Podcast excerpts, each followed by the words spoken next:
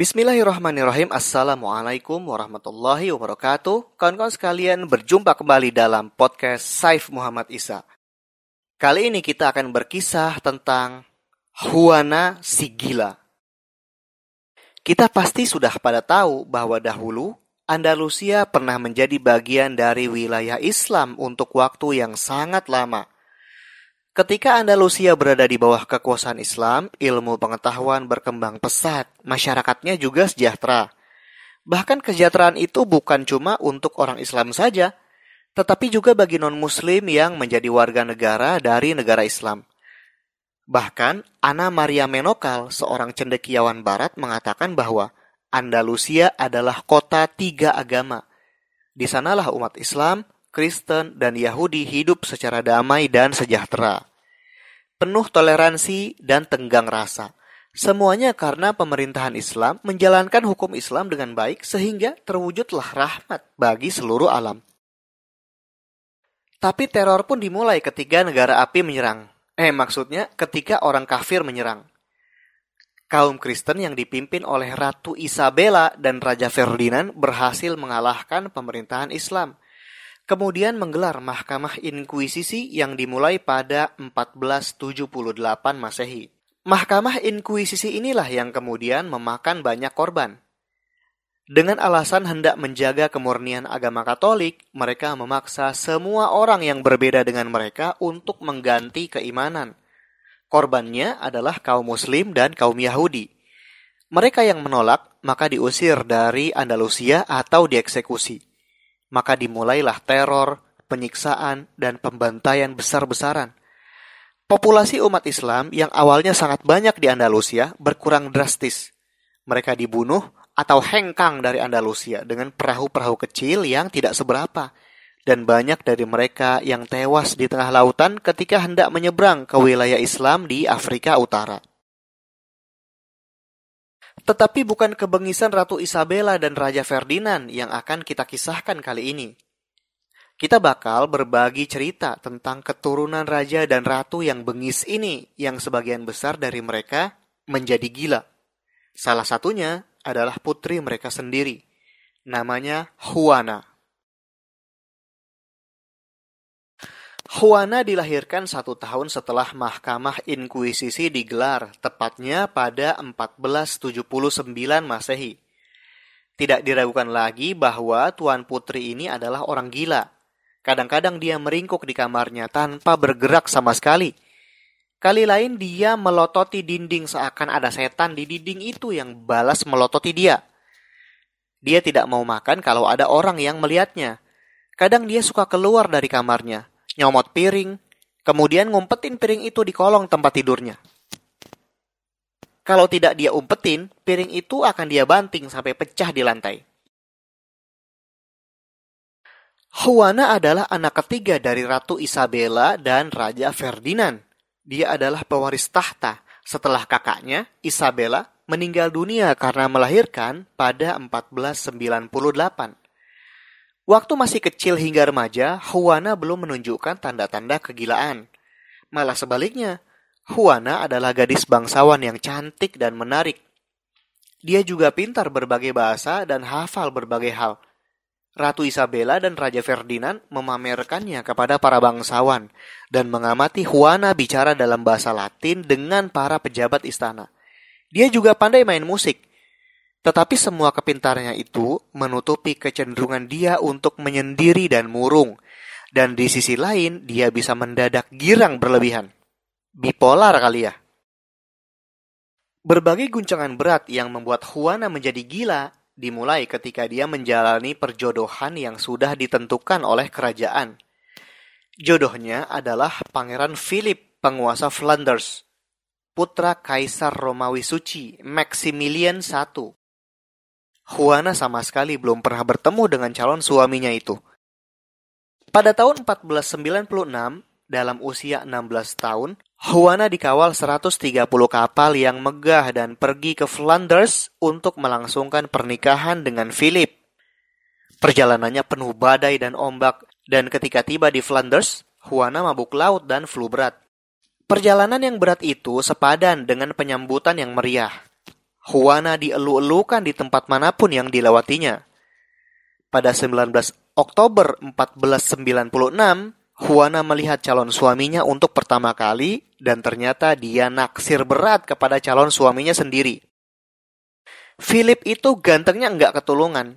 Usianya 18 tahun, rambutnya pirang, badannya six pack, pastilah lebih maco daripada si boy anak jalanan. Dia pun naksir berat kepada Juana yang cantik jelita.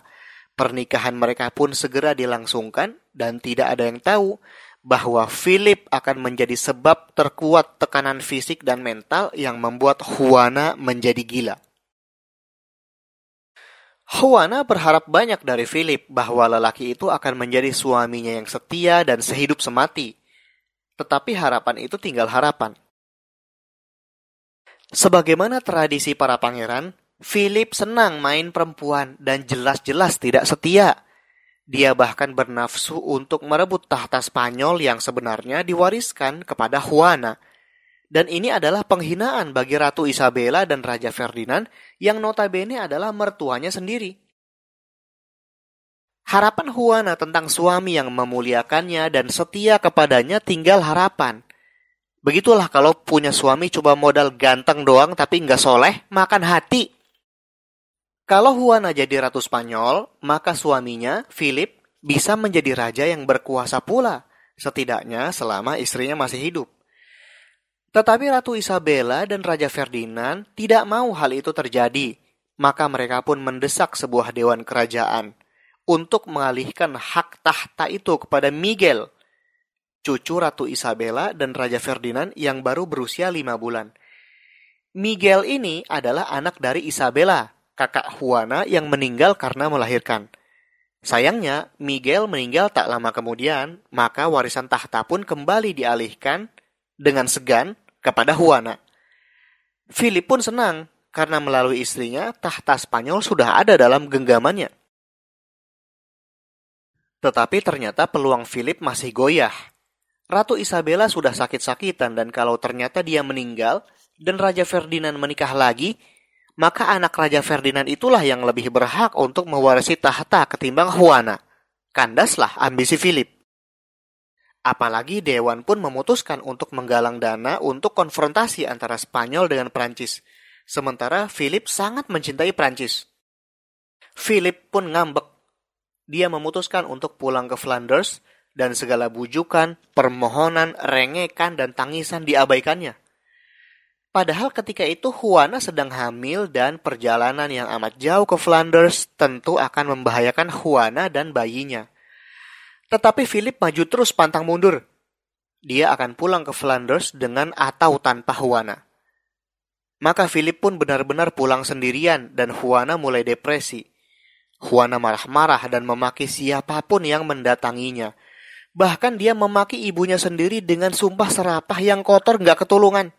Dia mengamuk habis-habisan dan setelah dia melahirkan anaknya, Ferdinand, kondisinya bukannya membaik. Ratu Isabella dan Raja Ferdinand pun sadar bahwa Juana tidak bisa dipisahkan lagi dari suaminya. Ratu Isabella pun meninggal, dan tahtanya diwariskan kepada Juana yang gila. Sebelum meninggal, Ratu Isabella berwasiat bahwa suaminya, Raja Ferdinand, menjadi wali yang membantu Juana dalam pemerintahan atau menggantikan Juana ketika Juana tidak sanggup memerintah. Raja Ferdinand pun meyakinkan semua orang bahwa Juana benar-benar sudah gila dan tidak sanggup lagi memerintah. Dia juga berambisi akan tahta Spanyol. Juana pun berangkat ke Flanders atas izin ayahnya untuk menemui Philip.